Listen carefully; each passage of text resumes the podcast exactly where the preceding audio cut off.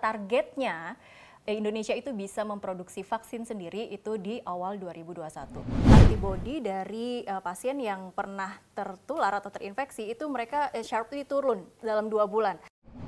Dan beberapa hasil rapid test juga hasilnya tuh kayak tidak akurat seperti itu, tidak valid gitu.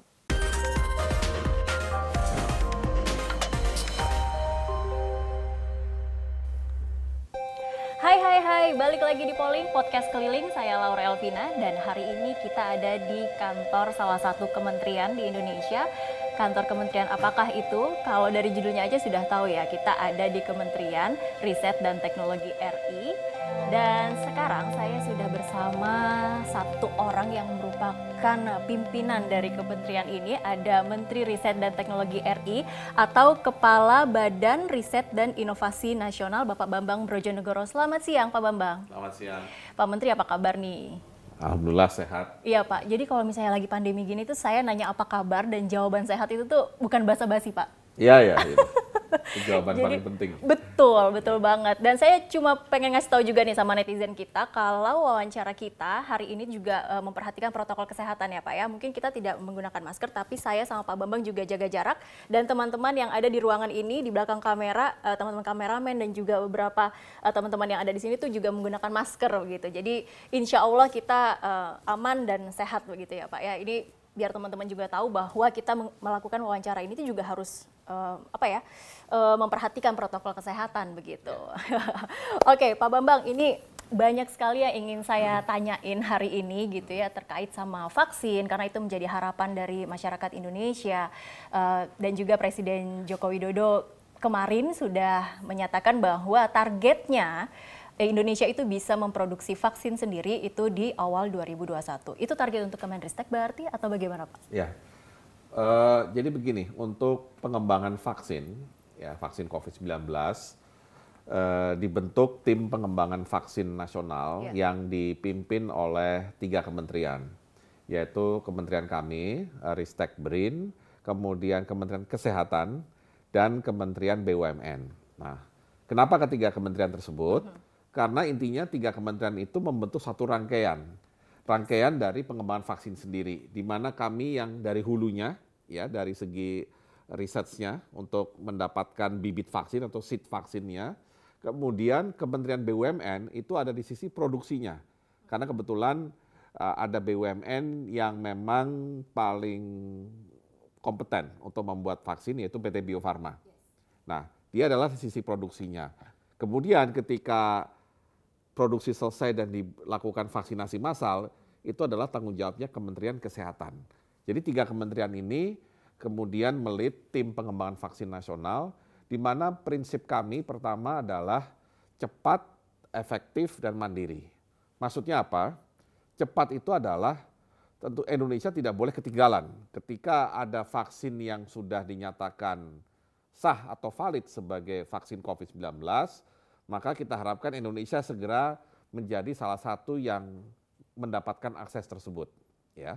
Efektif dalam pengertian ya, meskipun kita mendapatkan akses, tentunya vaksin yang nantinya dipakai di Indonesia, kita harapkan adalah vaksin yang cocok untuk berhadapan istilahnya dengan virus yang bertransmisi di Indonesia sendiri. Strain di Indonesia. Ya, strain di Indonesia. Dan ketiga, tetap harus ada unsur kemandirian. Paling tidak mandiri dalam produksinya jadi artinya jangan sampai kita membeli vaksin begitu saja atau tergantung kepada luar. Tapi kita paling tidak harus memproduksi dan juga ada yang kita kembangkan sendiri. Ya, dengan menganut prinsip itu, maka kita melakukan uh, strategi yang kita sebut sebagai double track. Satu track adalah kita melakukan pengembangan vaksin dari awal di Indonesia dengan menggunakan isolat virus yang ada di Indonesia. Itu yang dipimpin oleh lembaga Ikman yang kebetulan ada di bawah kementerian kami. Track yang satu lagi adalah kerjasama dengan pengembangan vaksin luar negeri. Ya, di mana Bio Farma dalam hal ini yang menjadi pihak yang bekerja sama, saat ini sudah membangun kerjasama paling tidak yang sudah operasional dengan dua pihak. Satu dengan perusahaan vaksin dari China, Sinovac, dan satu lagi dengan suatu asosiasi eh, kayak donatur yang nantinya akan men memberikan atau mendukung uh, penyediaan vaksin COVID-19 di seluruh dunia, namanya CEPI. Ya. Nah, untuk yang Sinovac, kebetulan dari laporan WHO yang terakhir, ada tiga pengembangan vaksin yang istilahnya tahapannya sudah mendekati finish, yaitu sudah masuk tahap tiga uji klinis. Yaitu yang pertama Sinovac itu sendiri, kedua adalah AstraZeneca dan Oxford University, dan yang ketiga adalah Moderna. Ya, nah kebetulan kita sudah bekerja sama dengan Sinovac ini, jadi kita harapkan yang tadi Bapak Presiden katakan uh, bulan Agustus ini akan dimulai uji klinisnya tahap ketiga di Indonesia. Jadi Indonesia menjadi salah satu tahap ketiga ya Sinovac kan. Indonesia menjadi salah satu negara yang akan menjadi tempat uji coba klinis dari vaksinnya Sinovac tersebut.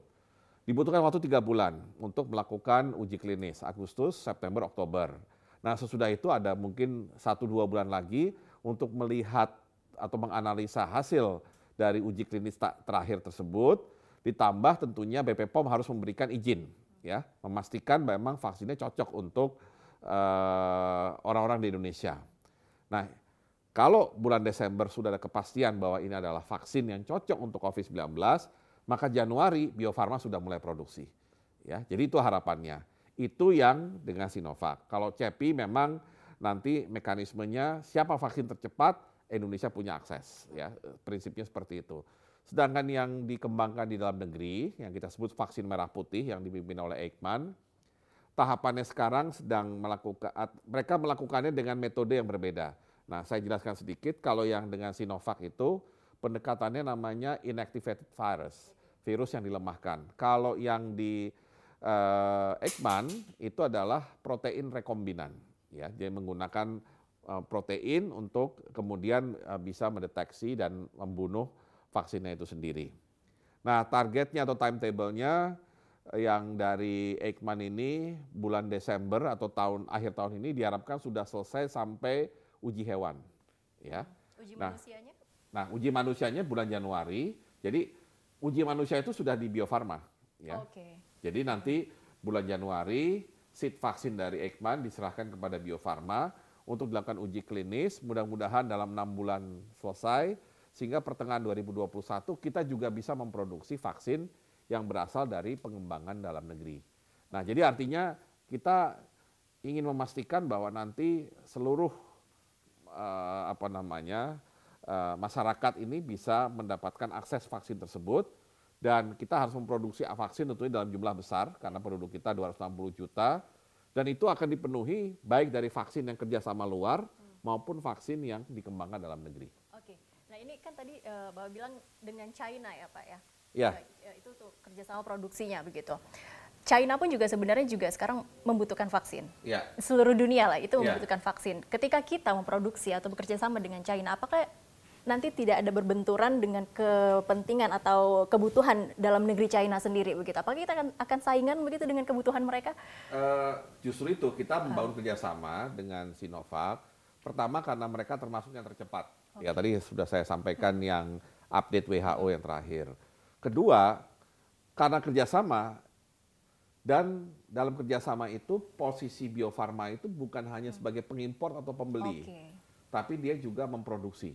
Jadi intinya Bio Farma berhak untuk memproduksi seed vaksin yang dihasilkan oleh Sinovac tersebut, ya, sehingga bisa memproduksi, tapi ya mungkin ada batasan jumlahnya. Nah karena itu kita tidak hanya bergantung kepada satu kerjasama tadi. Yes. Bio Farma juga kita dorong ada kerjasama dengan pihak lain, plus yang kita kembangkan dalam negeri. Ya, jadi artinya kita jangan membayangkan bahwa penyediaan vaksin ini dengan akan mudah, ya. Karena pertama yang harus diproduksi kita sudah hitung itu minimal 300 juta ampul, ya. Karena penduduk kita 260 juta. Mm meskipun hitungannya barangkali dua per tiga penduduk yang perlu divaksin, tapi kita ambil amannya semua penduduk dan ada kemungkinan perlunya booster namanya karena tidak semua diberikan vaksin langsung daya tahan tubuhnya muncul ya perlu ada booster. Jadi minimal 300 juta dan tentunya separuhnya kita targetkan itu adalah vaksin yang dikembangkan dalam negeri minimal ya 50 persen. 50 persen lagi adalah vaksin yang memang berasal dari kerjasama kita dengan pihak luar. termasuk dengan Sinovac itu. Jadi kita tidak melihat uh, adanya persaingan dan satu hal lagi yang barangkali cukup uh, melegakan kita. Kan biasanya kalau ada temuan baru itu ada paten dan untuk mendapatkan hak pemakaian kita harus beli lisensinya. Nah, kebetulan karena ini pandemi, pihak China-nya atau Sinovac-nya sepakat bahwa untuk kali ini tidak ada paten ya. Karena mereka China itu punya policy vaksin itu adalah global public goods ya. Jadi harus disediakan untuk masyarakat dunia. Bentuknya ya kerjasama saja antara Bio Farma dengan uh, Sinovac. Ada satu penelitian Pak ini juga uh, menarik begitu ya. Hmm, vaksin itu kan jadi apa ya? Jadi harapan begitu untuk Betul. kita saat ini. Tapi ada satu penelitian juga di China yang menyebutkan bahwa antibodi dari uh, pasien yang pernah tertular atau terinfeksi itu mereka uh, sharply turun dalam dua bulan. Artinya ketika kita menggunakan vaksin pun kita juga membentuk antibodi kan dalam tubuh yeah. kita. Iya. Bagaimana lembaga penelitian Indonesia uh, mengantisipasi itu Pak? Ya, pertama begini, kita tentunya harus mempelajari karakter virusnya tadi ya. Ya, untuk membuat vaksin yang paling penting kita memahami karakter virusnya dan lembaga Eijkman sudah cukup intensif melakukan whole genome sequencing ya. untuk melihat karakter virus dan ternyata mayoritas dari virus yang dianalisa tersebut uh, mirip dengan virus yang berasal dari Wuhan. Ya. ya, jadi memang ada kedekatan. Nah, tentunya ini akan diberikan ya kalau bedanya vaksin dengan obat kan kalau vaksin justru diberikan kepada orang yang uh, tidak sakit, ya, ya, yang sedang tidak sakit. Betul. Karena kita harapkan orang tersebut nantinya tidak terkena uh, eh, COVID-19. Dan karenanya vaksin itu adalah solusi pamungkas sebenarnya dari pandemi ini. Kenapa? Karena kalau hanya obat yang kita temukan, obat itu kan hanya menyembuhkan yang sakit, ya, termasuk terapi seperti plasma konvalesen misalnya. Nah, tetapi ketika orangnya sakit sendiri kan sudah menimbulkan kekhawatiran bahwa orang itu nanti tidak berani melakukan aktivitas. Nah, kalau orang ini berani melakukan aktivitas, berarti yang diperlukan adalah vaksin. Supaya ekonomi berjalan, kesehatan terjaga. Nah, sehingga yang Anda kemukakan tadi, bagaimana dengan orang yang antibodinya turun, ya justru vaksin itu adalah Oke, untuk membangkitkan antibodinya. Dan orang yang sudah sembuh adalah orang yang perlu mendapatkan vaksin, supaya tidak terkena lagi, ya, dan kemudian eh, daya tahan tubuhnya kan itu secara alami memang turun, hmm, hmm. ya. Nah, vaksin itu adalah kita bicara bagaimana dia meningkatkan imunitasnya kembali ya dengan dukungan dari vaksinnya. Vaksin, iya. Jadi bukan hanya dukungan dari dalam tubuh sendiri. Ya itu itu penjelasannya ya. Jadi jangan sampai nanti orang salah paham ini seberapa efektif sih vaksin gitu untuk bisa jadi harapan kita gitu. Tadi ya. sudah dijelaskan sama Pak Bambang begitu ya. Nah ini ada empon-empon kemarin Pak. Ya. empon-empon kalau misalnya dari Kemenristek sendiri bagaimana uh, mendorong sudah adakah hasil dari pengujian efektivitas dari empon-empon yang banyak sekali dikonsumsi sama masyarakat? Iya. Uh, pertama begini, uh, yang kita lakukan sekarang pengujian untuk namanya imunomodulator. Hmm. Imunomodulator ya seperti kata namanya ada imunnya adalah kita mencari suplemen ya yang bisa meningkatkan daya tahan tubuh khususnya daya tahan tubuh terhadap COVID-19. Hmm. Nah, tentunya banyak sekali ya eh, bahan-bahan herbal kita yang sekarang sudah dikonsumsi untuk meningkatkan daya tahan tubuh. Tetapi memang belum ada yang spesifik bahwa suplemen tersebut atau bahan tersebut cocok untuk daya tahan tubuh terhadap COVID-19. Nah, karenanya eh, diinisiasi oleh LIPI yang ada di bawah Kemenristek BRIN, kita melakukan yang namanya tahapan uji klinis terhadap produk herbal yang sudah mendapat izin BP POM. Ya, jadi suplemen yang sudah ada, ya itu kemudian kita uji apakah suplemen itu memang cocok untuk COVID-19. Berarti yang sudah ya. ada yang sudah dapat izin POM. BPOM. Karena okay. begini, izin POM itu paling tidak suplemennya udah aman. Ya. ya. Dia sudah aman dikonsumsi. Itu penting sekali. Nah, tapi kan dia belum menjadi suplemennya COVID, belum bisa ya, diklaim ya, karena ya. belum ada buktinya. Nah, buktinya itu dilakukan dengan uji klinis. Nah, saat ini sedang dilakukan uji klinis kerjasama LIPI dengan Kalbe Farma, hmm. karena Kalbe Farma ingin menguji cobakan kebetulan dua produk suplemen dia yang sudah beredar di iya. pasaran, yeah. apakah suplemen ini cocok? Ya. Nah, kenapa dua suplemen ini? Karena sebelum dilakukan uji klinis dilakukan analisa yang namanya review dan yang paling penting bioinformatika. Hmm. Ya, paling tidak dari uh, zat-zat yang ada di tanaman tersebut sepertinya ini cocok untuk COVID-19.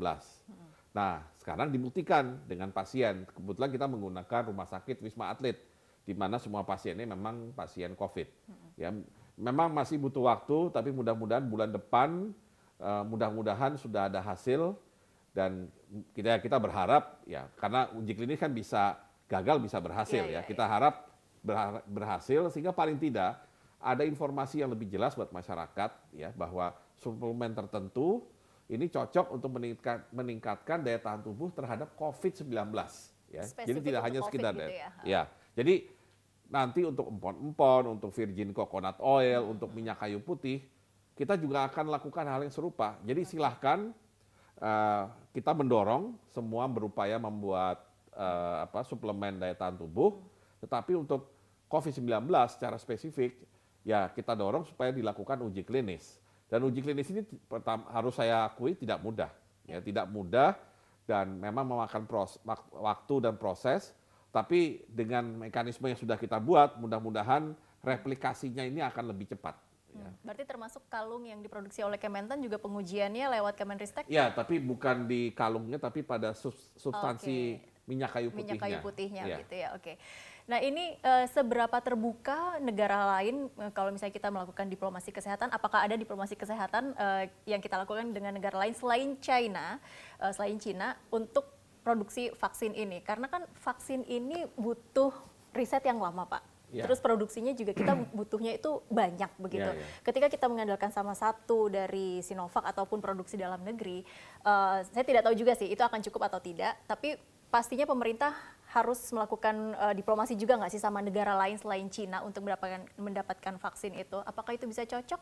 Apakah itu dilakukan juga sama pemerintah Indonesia? Ya, jadi begini, eh, kalau melihat vaksin-vaksin yang sudah ada untuk berbagai penyakit lain, itu sebenarnya semua vaksin itu sejarahnya sejarah panjang. Artinya memang risetnya itu butuh waktu bertahun-tahun, bahkan ada yang puluhan tahun. Bahkan ada penyakit-penyakit yang sampai hari ini belum ada vaksinnya. Iya. Contohnya HIV, Iya. ya itu nggak ada vaksinnya, yang ada hanya obatnya. Nah, jadi artinya yang kejadian sekarang ini memang unprecedented ya. Jadi kok bisa tahu-tahu pertama banyak sekali yang bikin vaksin dan kedua kenapa waktunya jauh lebih cepat daripada vaksin-vaksin lainnya. Nah, jawabannya mungkin adalah jawaban ekonomi sebenarnya dan bisnis.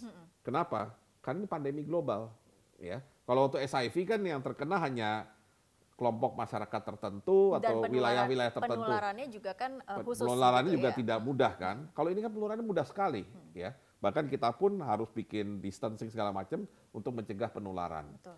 Nah, ini pandemi global. Perkiraan WHO itu mungkin vaksin itu dibutuhkan oleh 2 miliar penduduk dunia. Wow. Penduduk dunia kan sekarang berapa? 5 6 miliar. Iya. 2 miliar itu butuh vaksin, ya. Nah, kalau Anda pengusaha farmasi, apa pun lah, dan punya kemampuan bikin vaksin, Anda pasti langsung ikut- ingin ikut terjun, ya.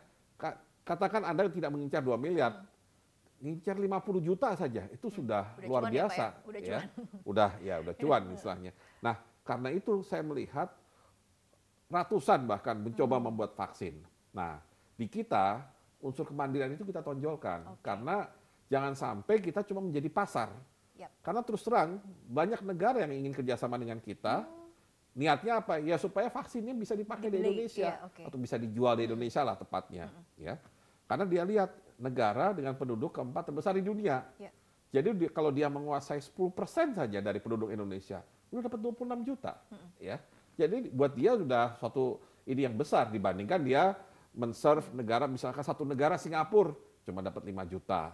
Ya, apalagi kalau Brunei Darussalam cuma ratusan ribu. Betul. Tapi ini Indonesia gitu. Nah, karena itu kita terbuka untuk kerjasama dengan luar. Jadi Bio Farma itu sebenarnya juga sedang menjajaki misalkan dengan Abu Dhabi. Ya, kebetulan UAE sudah menyatakan komitmen untuk mau bekerja sama vaksin. Ya, kemudian Kemlu dengan berbagai jalur diplomasi juga membangun diplomasi, termasuk yang dilakukan yang dengan CEPI tadi. Ya, CEPI itu kan sebenarnya konsorsium internasional. Demikian juga ada kerjasama yang dibangun untuk Nah ini apa namanya eh, dukungan dari ada namanya Gavi dan segala macam itu untuk menggalang eh, akses vaksin bagi negara-negara berkembang seperti Indonesia. Indonesia. Ya.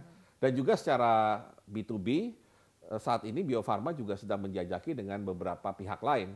Jadi kita tidak memang betul kita tidak mau bergantung kepada satu.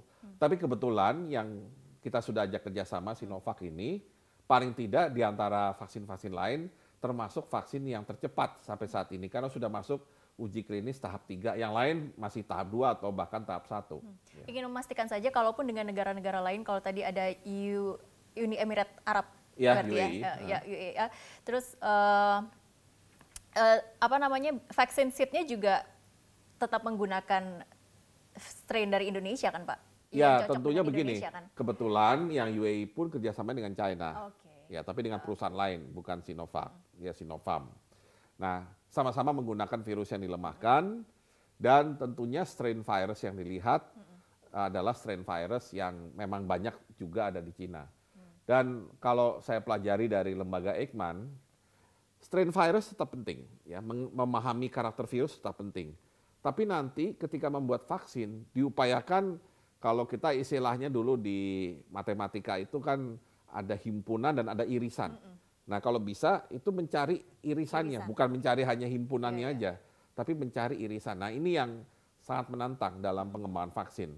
Karena kita harapannya tentunya vaksin ini bisa berlaku tidak hanya untuk satu kelompok masyarakat tertentu, ya. tapi beragam gitu.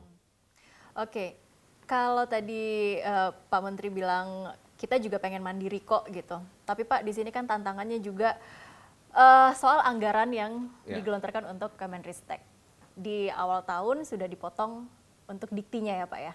Kalau untuk dikti memang karena sudah, sudah pindah. Sudah, berarti ya. kan tinggal 2,7 triliun, 2,7 triliun. Oke. Okay. Kalau untuk uh, COVID sendiri Pak, untuk penelitian COVID sendiri berarti totalnya berapa sekarang? 90 M ya? Oh, ini memang harus dibedakan antara yang pertama gini, yang saya jelaskan ya. ya. Uh, Dari anggaran 2,7 T itu karena COVID kemarin kita kena ikut potong 30 persen. Ya. Jadi tinggal 1,8 T. Okay. Nah, dari 1,8 T itu ada satu triliun yang harus dilakukan harus didedikasikan untuk perguruan tinggi okay. karena itu memang porsinya perguruan tinggi. Sehingga memang tidak banyak ruang untuk melakukan yang lain. Hmm. Padahal riset COVID ini kan tidak direncanakan dan dianggarkan ya, sebelumnya betul. karena kejadiannya kan eh, mendadak uh -uh. ya.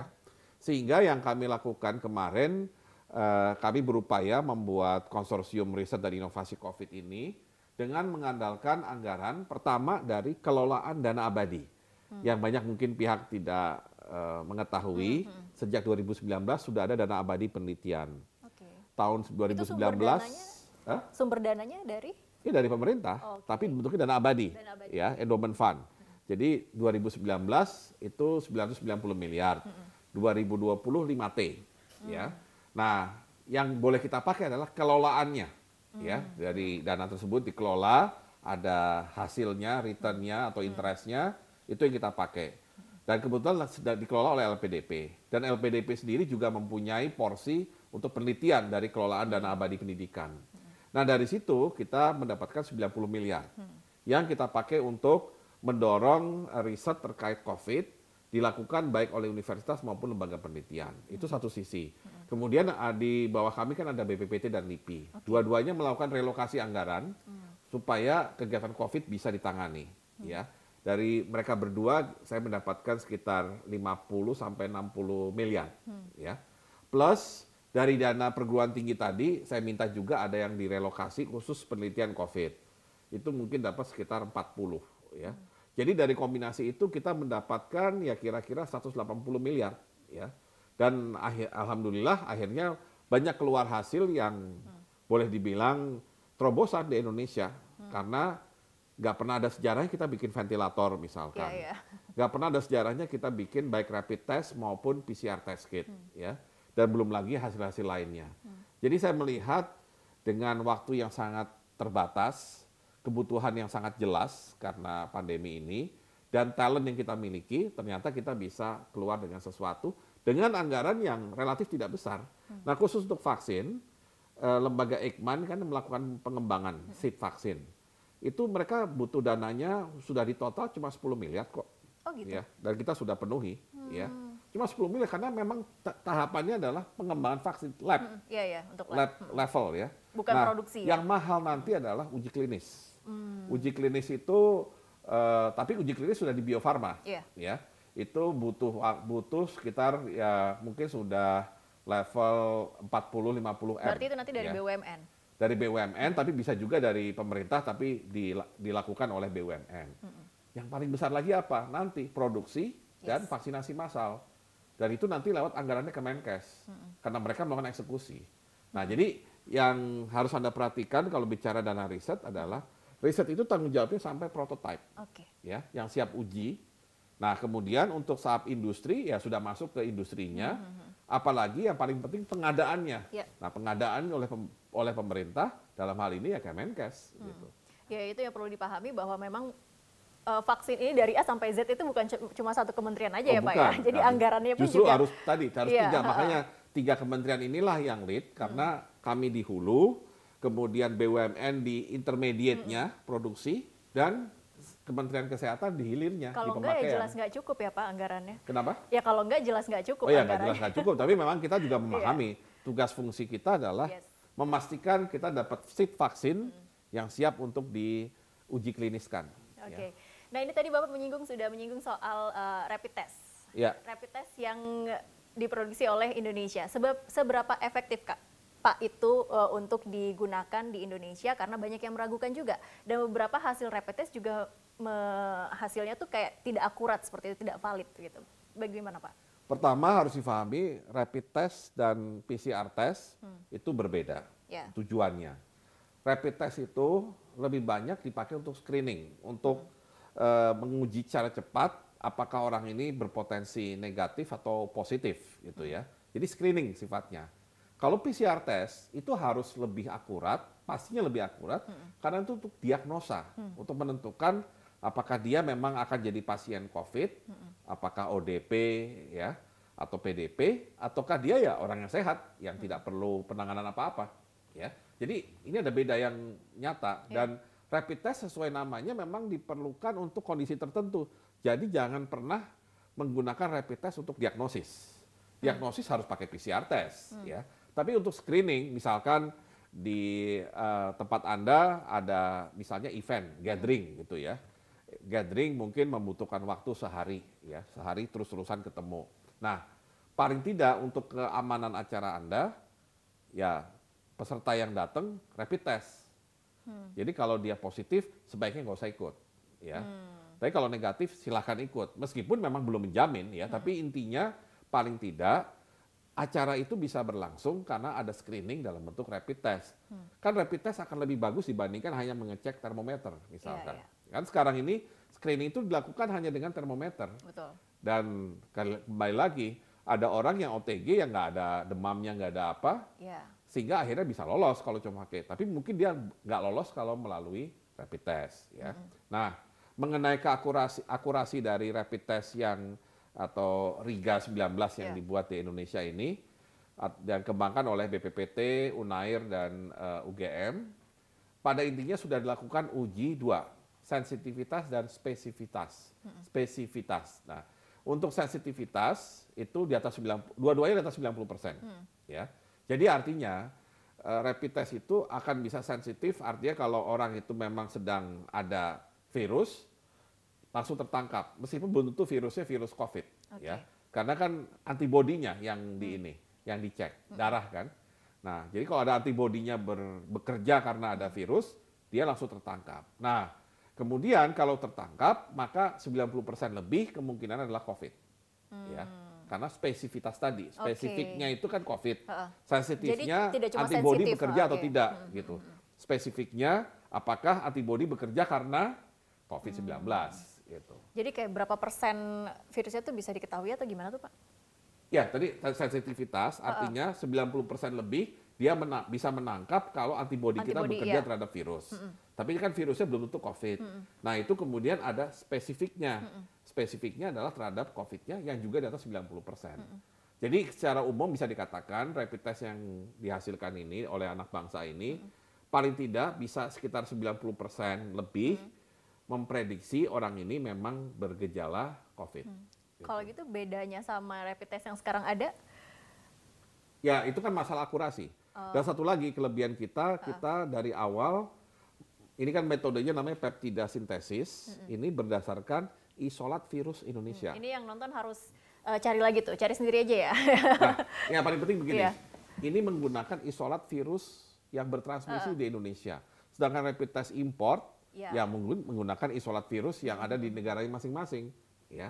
Nah, jadi paling tidak kita berusaha untuk lebih akurat bisa membaca virus yang memang adanya di Indonesia atau yang bertransmisi di Indonesia. Mm-mm, Jadi nggak eh, tiba-tiba datang rapid test yang sudah diujinya di luar negeri pakai strain virus yang dari luar Iya. negeri kemudian di- digunakan oleh kita. Tapi eh, inilah yang dikembangkan oleh Kemenristek ya Pak ya. Iya. Eh, rapid testnya itu memang pakai strain virusnya dari, eh, Dari Indonesia lokal, dari ya. lokal gitu. Oke. Nah ini ke depannya Pak. Kita belum tahu pandemi ini akan sampai kapan Ya. dan juga ilmu pengetahuan dan juga riset ini kan tidak hanya terbatas pada COVID-19 Ya, bagaimana eh, Kemenristek ke depannya apa langkah yang akan dilakukan? Ya, pertama tentunya ya kita masih harus apa berhadapan nih dengan COVID-19.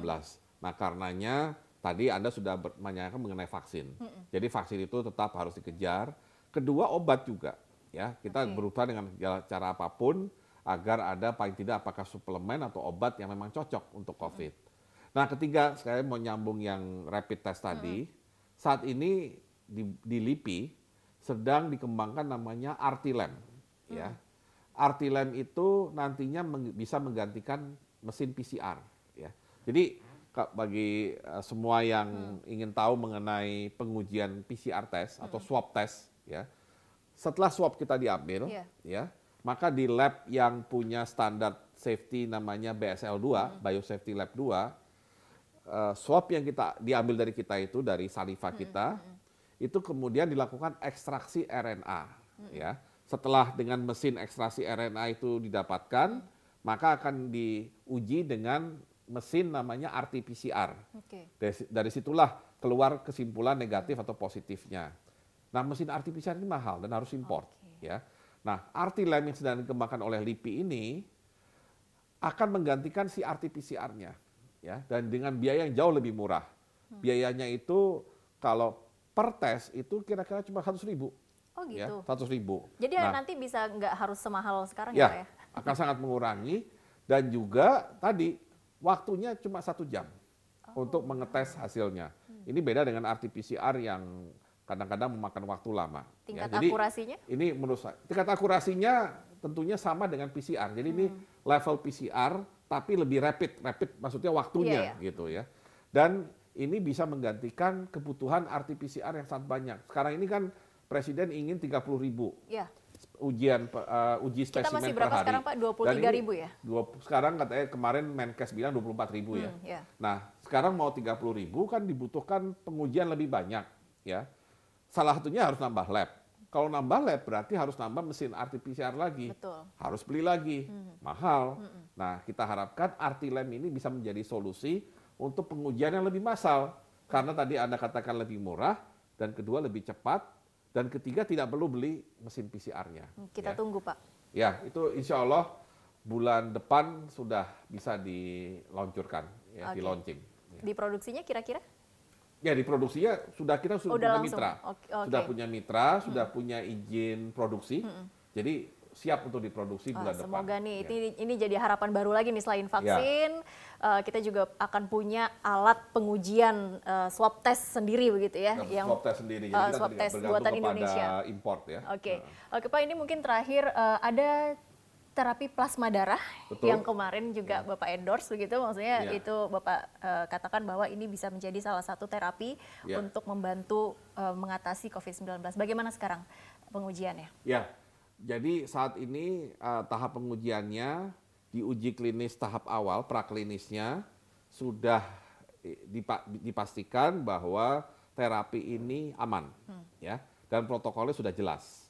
Nah sekarang kita ingin eh, memperluas pengujiannya. Kalau tadinya awalnya hanya di RSPAD sebagai rumah sakit yang awalnya melakukan, sekarang akan kita lakukan di 10 sampai 20 rumah sakit, ya dan tentunya izin etikanya dan segala macam sudah clear.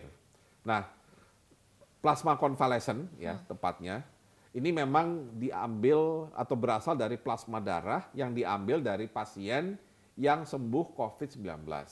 Di mana pasien ini syaratnya memang harus laki-laki atau perempuan yang tidak pernah melahirkan.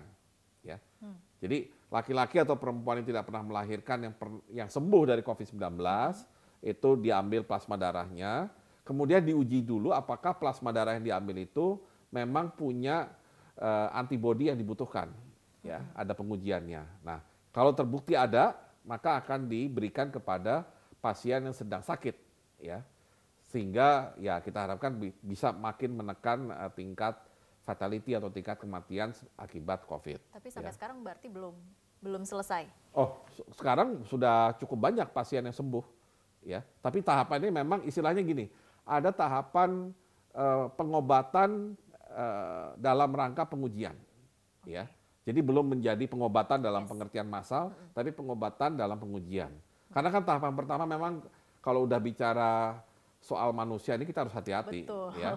Uji klinisnya harus iya. benar-benar hati-hati, hmm. detail, dan karenanya tahapan pertama adalah memastikan bahwa ini safe dulu, yeah. ya, tidak ada efek samping, tidak ada uh, efek negatifnya. Baru kemudian sekarang ini sedang sedang melakukan penelitian pada tahapan mana hmm. pasien ini sebaiknya diberikan plasma darah tersebut, okay. ya, karena sempat dilakukan penelitian apa uh, ketika uji coba di pasien yang sedang kritis Hmm. Memang banyak yang selamat, tapi tetap ada yang meninggal. Hmm. Ya, kenapa? Karena kondisi mungkin sudah terlalu hmm. berat. Hmm. Hmm. Nah, karenanya sedang dilihat pada kondisi sebelumnya efektif atau tidak. Yeah. Ya, karena mereka juga mengatakan tim penelitinya, kalau diberikan ketika pasiennya masih dalam kondisi relatif tidak berat, hmm. artinya masih relatif sehat gitu, meskipun terinfeksi COVID, hmm. itu malah bisa menimbulkan efek samping ya. Okay. Jadi mereka sedang mencari tahapan mana yang paling tepat hmm. ya. Tapi ujungnya adalah kita ingin juga ada terapi untuk COVID supaya uh, apa namanya ini menimbulkan juga ya harapan lah yeah. bahwa Indonesia itu bisa menangani COVID-19 dengan baik. Yes. Ya. ya, untuk diketahui aja kalau misalnya COVID-19 itu kan memang pasiennya pasti ada tingkatannya ya. Ada betul, yang betul. ada yang tidak mengalami ada gejala. Yang gejala. Hmm, ada nah. yang gejala ringan begitu ya, ya Pak. Ya. Ada yang, yang gejalanya eh, berat seperti ya, itu yang sampai gejala pneumonia. berat itu biasanya dua kelompok tadi, ya, yaitu kelompok yang punya penyakit bawaan hmm. dan satu lagi yang punya eh satu lagi yang usianya sudah lanjut hmm. ya. Oke, terima kasih banyak Pak Menteri atas waktunya. Mungkin uh, saya ingin uh, Bapak juga menyampaikan kepada netizen kita, kepada ya. masyarakat ya. Indonesia untuk optimisme lah uh, Indonesia bisa mengatasi COVID-19. Ya.